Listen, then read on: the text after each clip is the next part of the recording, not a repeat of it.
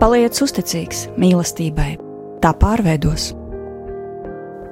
Jēzus saka, mīliet cits citu. Paliec uzticīgs mīlestībai, tā pārveidos. Raidījums mīlestības terapija ir saruna par sevi, dzīvi un mīlestību. Un šo raidījumu vada kristīgi psihologi Ina Grasmane un Marks Jērmaks.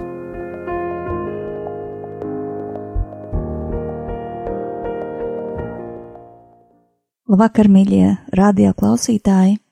Priecājamies atkal satikties ar jums šajā vakarā. Un šodien mēs gribam iedziļināties tādā tematā kā neizdzīvotas jūtas, nobloķētas jūtas, kur tās paliek. Vai tādā terapeitiskā žargonā es parasti saku tādu neizdzīvotu jūtu skapis mūsu dvēselē. Kā viņš tur dzīvo un kā viņš ietekmē mūsu šodienas dzīvi. Iedomājieties kādu vīrieti, kurš ir izaudzis tādā ļoti krietnā un pareizā ģimenē, kur viss eh, vienmēr ticis darīts pareizi. Šie priekšstati, protams, nāca no šī zēna vecākiem, bet eh, ar laiku tie kļuva par viņa paša priekšstati.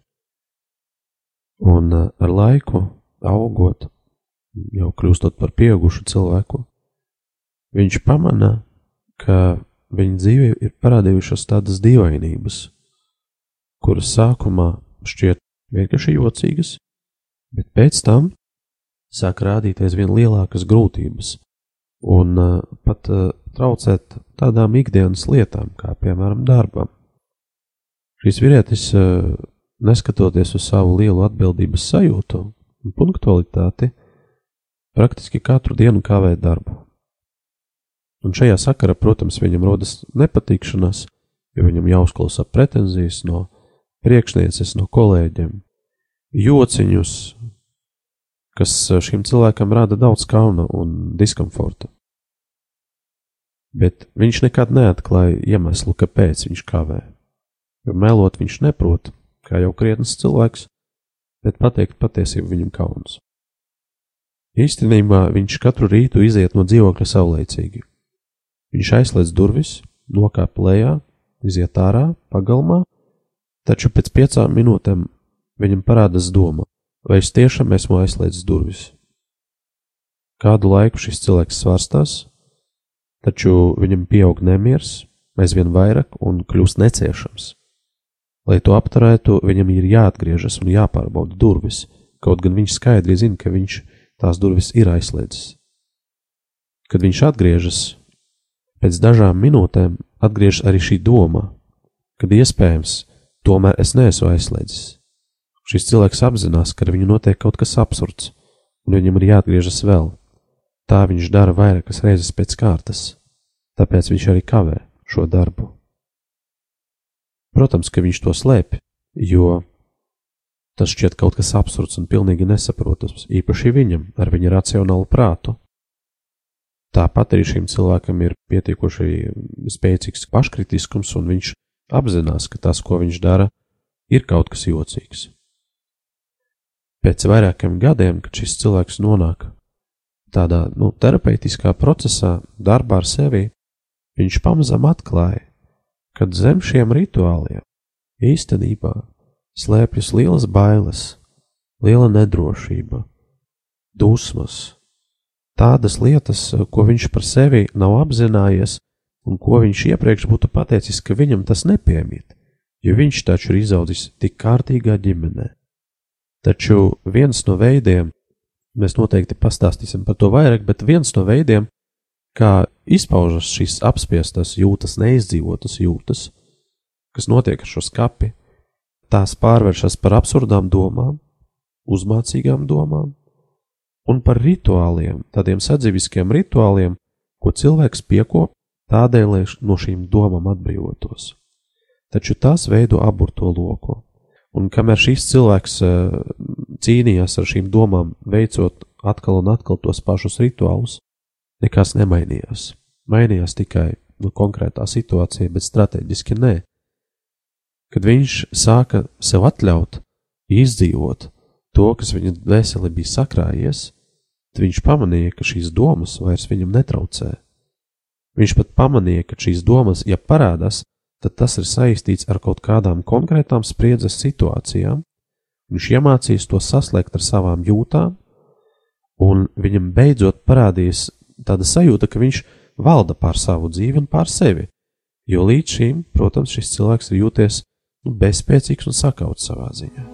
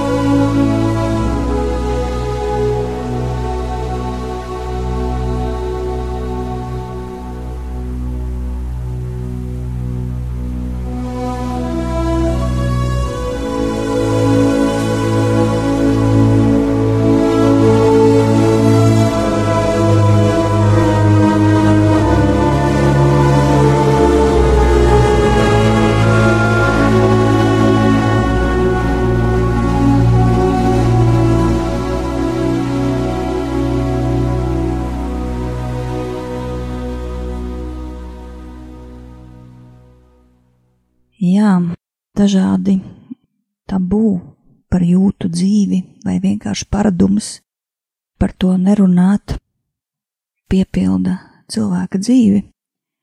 Un gal galā cilvēkam ir tendence norobežoties no tā, kas sāp, norobežoties arī no tā, kas ir traumējis, sāpinājis. Un cilvēciski tas ir saprotams. Dažādi aizsardzības veidi, kā cilvēks vai aizsarg mehānismi, kā cilvēks eh, sargā sevi no sāpēm. Un arī terapijā, ka mēs dodamies sāpju virzienā, par kurām cilvēks iepriekš nav nojautis, cilvēks pretojās, un, un tas ir dabiski. Tas pat ir svarīgi, jo sevi sargāt ir būtiski. Man pašai arī personiskajā terapijā, terapijas pieredzē bija gadījums, kad nejauši strādājot kādu metodi, es pēkšņi sapratu, ka grūtība mana ir sākusies eh, kaut kur ļoti, ļoti vecās attiecībās, kuras šobrīd vispār vairs nav aktuālas, un tik ļoti negribējās atcerēties un iedziļināties šajās vecajās izjūtās. Bet mans darbs, ko es biju radījusi, parādīja ļoti skaidri. Ja es neiešu un nesakārtošu nenoslēgšu šo veco pieredzi, tad tā turpinās ietekmēt manu dzīvi šodien. Un tas ir tik ļoti saprotams, ka negribas doties tur, kur sāp. Bet sāpes pašas no sevis nedzīst. Līdzīgi kā fiziskās miesas sāpes, ir brūces, kuras pašas no sevis nedzīst, kur ir nepieciešama palīdzība, ziede. Sāpes iekapsulējas, un eksistē cilvēkā, cilvēka dvēselē, kā dzīves atvars, kā dzīves avots, kas atkal pievelk jaunas un jaunas situācijas, kas provocē jaunas un jaunas sāpes cilvēka dzīvē. Cilvēks ar savu izvēli var iestāties par veselību, iet šo skapja pēdiņās attīrīšanas ceļu, vai turpināt kultivēt sāpes savā dzīvē, vairot, žēlot sevi, palikt bērnišķīgās reakcijās, kas atkal pievelk jaunas un jaunas ciešanas.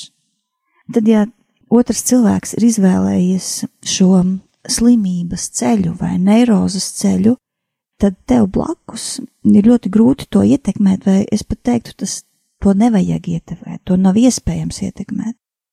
Mēs varam ietekmēt tikai savu izvēli. Ko tu izvēlies blakus tam cilvēkam, piemēram, kurš izvēlas slimību? Tas var būt nu, bieži vien tāda drāma ar laulībām. Gribās pagriezt šo cilvēku. Viens ir aizgājis veselības virzienā, otrs tur paliek.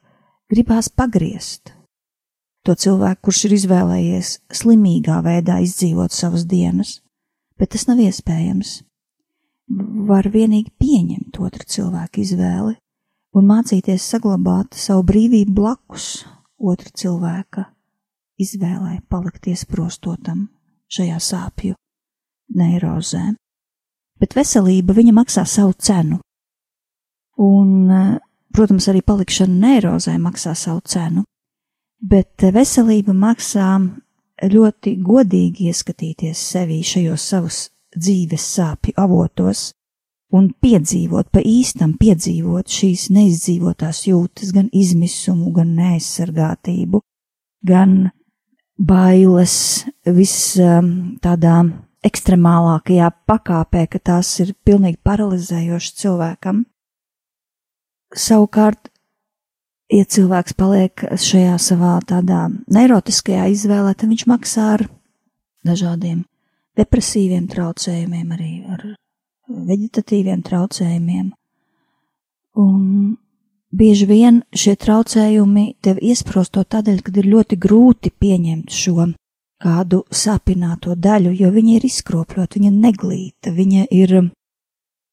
Cilvēks saka, man riebjās tā mana trauksme, es ienīstu, man nepatīk mana spriedze, man riebjās mana slimība, un kam patīk bet ne par velti droši vien ir pasakas par dažādiem briesmoņiem, kurus pieņemot, tie kļūst par brīnišķīgiem radījumiem, prinčiem vai princesēm, vēl vairāk iemīlot viņus.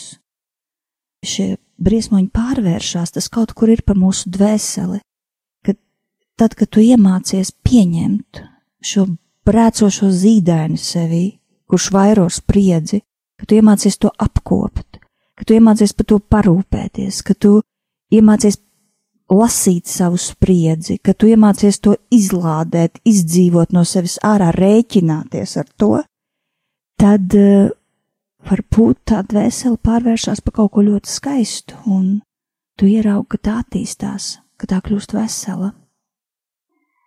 Kļūt par princi pasakā nozīmē atvesaļoties, pieaugt, savienoties ar savu dvēseli.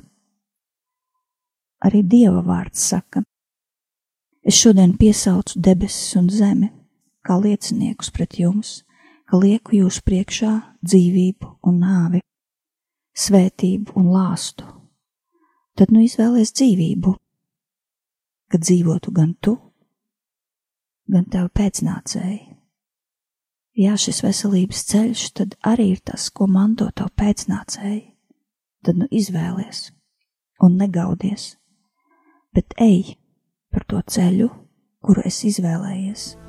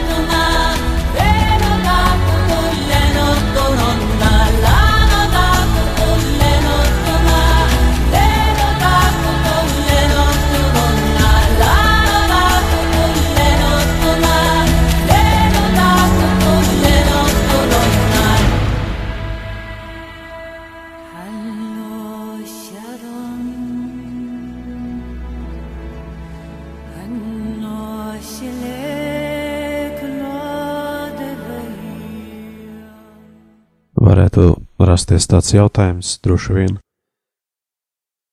nu, kāpēc eh, šis skāpis vispār eh, ir parādījies mūsu dvēselē?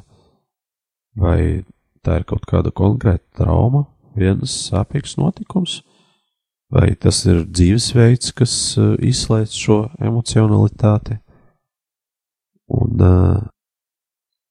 manuprāt, atbildē ir gan gan, jo pie traumatiska notikuma, kad cilvēks piedzīvo ļoti intensīvas dusmas, bailes, izmisumu, vientulību, kaut kādas citas spēcīgas jūtas, un reize viņš ir pamests, viņam nav iespēja ne runāt par to, ne saņemt palīdzību, tad var izveidoties tāds kā bloks, un pēc tam šī traumatiska pieredze laiku pa laikam par sevi signalizē. Bet uh, es teiktu, ka es pat biežāk saskaros tomēr ar to, ka tas ir vienkārši tāds dzīvesveids. Tādās krietnās ģimenēs, ko es aprakstīju piemērā raidījuma sākumā, kur vienkārši tiek respektēts prāts un vispārējais tiek uzskatīts par nu, tādu principā lieku. Kā var iet no tā ārā? Tas ir labs jautājums. Ja man ir neizdzīvotas jūtas, tad es visdrīzāk to vispār ne, neapzinos. Es varu tikai pēc kaut kādiem simptomiem saprast, ka kaut kas manā dvēselē paliek apslēpts tajā skapī. Ko mēs praktiski varētu darīt? Jā, nu tā tad eh, pats par sevi simptoms vai depresīvs traucējums vai eh, nu, veģetatīvs traucējums vai šāda uzmācīga kaut kāda baiļu vadīta rīcība, kas tevi nomoka, stāsta par um, to, ka ir kaut kas tavā ēnā, ko tu nezini, vai psihosomatiski traucējumi, slimošana, un tu aizved pie ārsta, bērni slimo, un ārsts saka, nu, viss kārtībā. Tātad uh, tur ir kādas uh, sajūtas, kuras ir palikušas tajā skapī, un viņas ietekmē šodienas tavu dzīvi. Kāda sieviete, piemēram, noliedza savu seksualitāti, jo negribēja risināt šīs seksuālās problēmas, tas bija pārāk sāpīgi. Un tas nesa viņai līdz daudz organiskus traucējumus.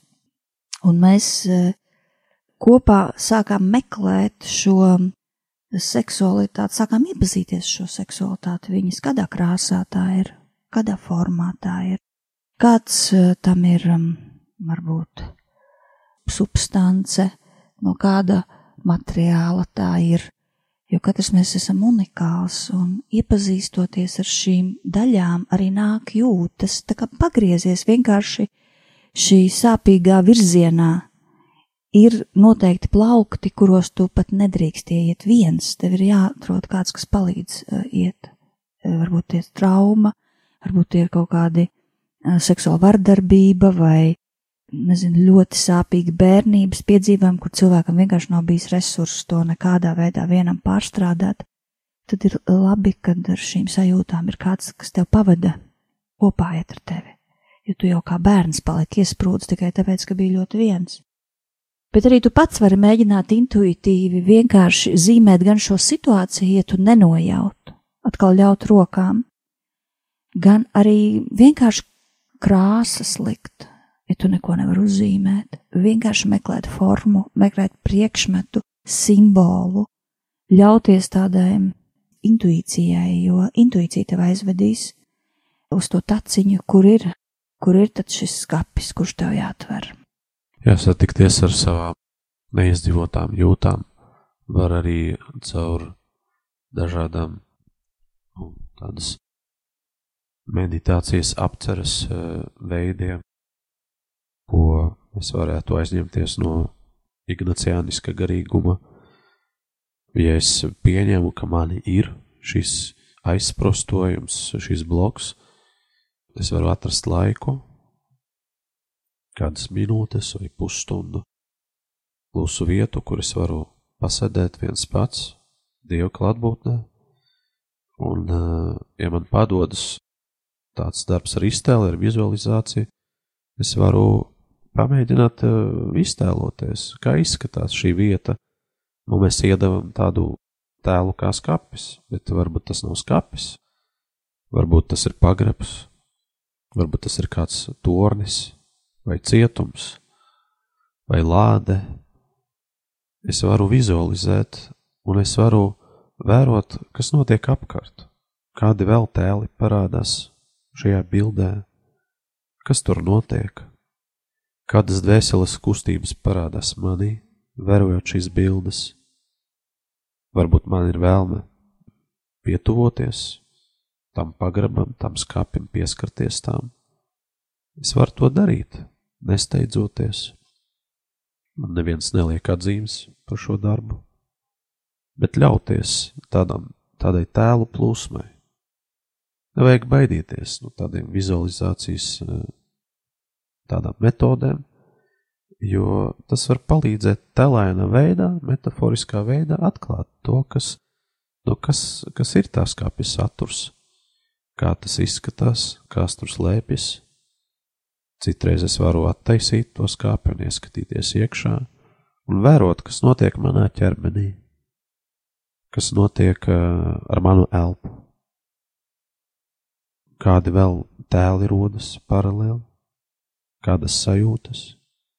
Varbūt man ir grūti nosaukt emocijas, bet varbūt es varu noķert sajūtu, ja, ka kaut kas tā kā spiež kaut kur no muguras vai krūškurvī vai velk, jo neizdzīvotas jūtas dzīvo ķermenī. Ļoti bieži mēs to varam izdzīvot taisni tādā fiziskā veidā.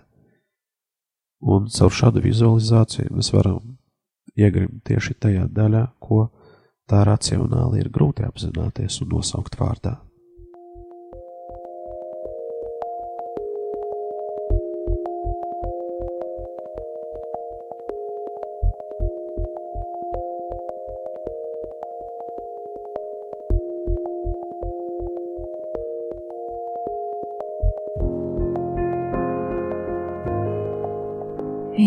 sagatavosim savus sirdis, lai lūgtu par savu dvēseli, un arī lūkšana ir ļoti labs veids, kā tu vari saņemt, varbūt ar Dieva palīdzību, kādu ainu, kura norāda uz to, kur tu esi varbūt iesprūdis. Jāatver savu garu, Jēzum, atver savu garu šim viņa darbam, ar savu dvēseli un ļauj viņam tajā ienākt, tādu mīlestības piepildītu staru, lai šis stars izgaismo tavu dvēseles ceļu, sākot no ieņemšanas brīža līdz šai dienai, lai svētais gars ienāk zemapziņā, apziņā, tavā pagātnē, tagadnē un tavā nākotnē. Paskaties uz savu dzīvi, ļauj Dievam atgādināt tās situācijas, kad tu esi palicis ļoti vientuļš, kādos sāpīgos pārdzīvojumos. Ļauj Jēzum nostāties blakus. Vienalga, kādu vecumu tu šobrīd redzi, vai ļoti agru bērnību, vai pusauģu gadus, vai varbūt vēlāk jaunībā, kad ir kaut kas noticis tik briesmīgs, ka kas lika tev nocietināties, un šobrīd tu dzīvo tā kā paralizētu kādu dvēseles daļu, nepilnīgu dzīvi. Ļauj Jēzum ienākt, būt blakus šodien, un mazliet eh, sasildīt tevi, uzklausot, runā šajā lūkšanā par to, ko tu esi pārdzīvojis, ko tu esi jutis ļaujies um, sāpes nāk uz āru, un, ja tu raudi, tad raudi. Vai ja nāk dusmas, un tev gribās triekt kādu krūzīti pret sienu, no upurē krūzīti, kas ir krūzīti salīdzinoši tavu dvēseli. Ļauj jūtām nākt uz āru, raksti. Esi patiesa. Kungs, mēs tev pateicamies par to, ka Viss, ko tu esi radījis, ir labs un skaists. Un ka katrai mūsu emocijai, katrai sajūtai ir vieta mūsu dzīvē un dvēselē. Mēs tiešām ticam, kungs, ka tu mūs nenosodi par to, ko mēs iekšēji piedzīvojam. Ka tev ir svarīgāk, ka mēs esam tavi bērni, nevis tas, ka mēs varam justies dusmīgi vai vientuļi. Davā kungs mums drosmi, ielēj mūsos drosmi satikties ar visu to, kas šķiet mums nepanesams. Mēs lūdzam par katru klausītāju pieredzi, par visu to, kas bija saistīts ar aizkaitinājumu, ar dusmām, ar izmisumu, ar bēdām, ar neizdzīvotām sērām, neatzītiem zaudējumiem, ar nodevības pieredzi. Mēs lūdzam arī par visām tām attiecībām, kurās bija daudz rūkuma, atsvešinātības, vientulības, par visu to cilvēku attēliem, kas paliek mūsu atmiņā, mūsu sirdī, kas ienesa mūsu dzīvē tādas nostādnes, ka mūsu jūtas nav svarīgas, ka mūs var mīlēt tikai par darbiem, ka neesam mīlestības cienīgi paši par sevi. Tu zini, kungs, ka tas nav no tevis. Lūdzam, dari mūs brīvus. Dāvā katram no mums spēku un drosmi ieskatīties tajā pieredzē, kas ir sāpīga, kas ir sarežģīta lai tas viss mūs bagātina. Ļauj mums to visu integrēt savā dzīvē, savā apziņā, lai tas padara mūs stiprākus. Mēs negribam un mēs neesam savas pagātnes vergi. Tu mūs esi atbrīvojis brīvībai. Lūdzam, kungs, stiprini mūs šajā ceļā. Dāvā mums arī pacietību, ja tas nenotiek ātri. Visu to šodien mēs lūdzam Jēzus Kristus vārdā. Amen! Jūs klausījāties raidījumu Mīlestības terapija. Raidījuma ieraksti pieejami internetā mīlestības māja.clv un tavā sirds.com.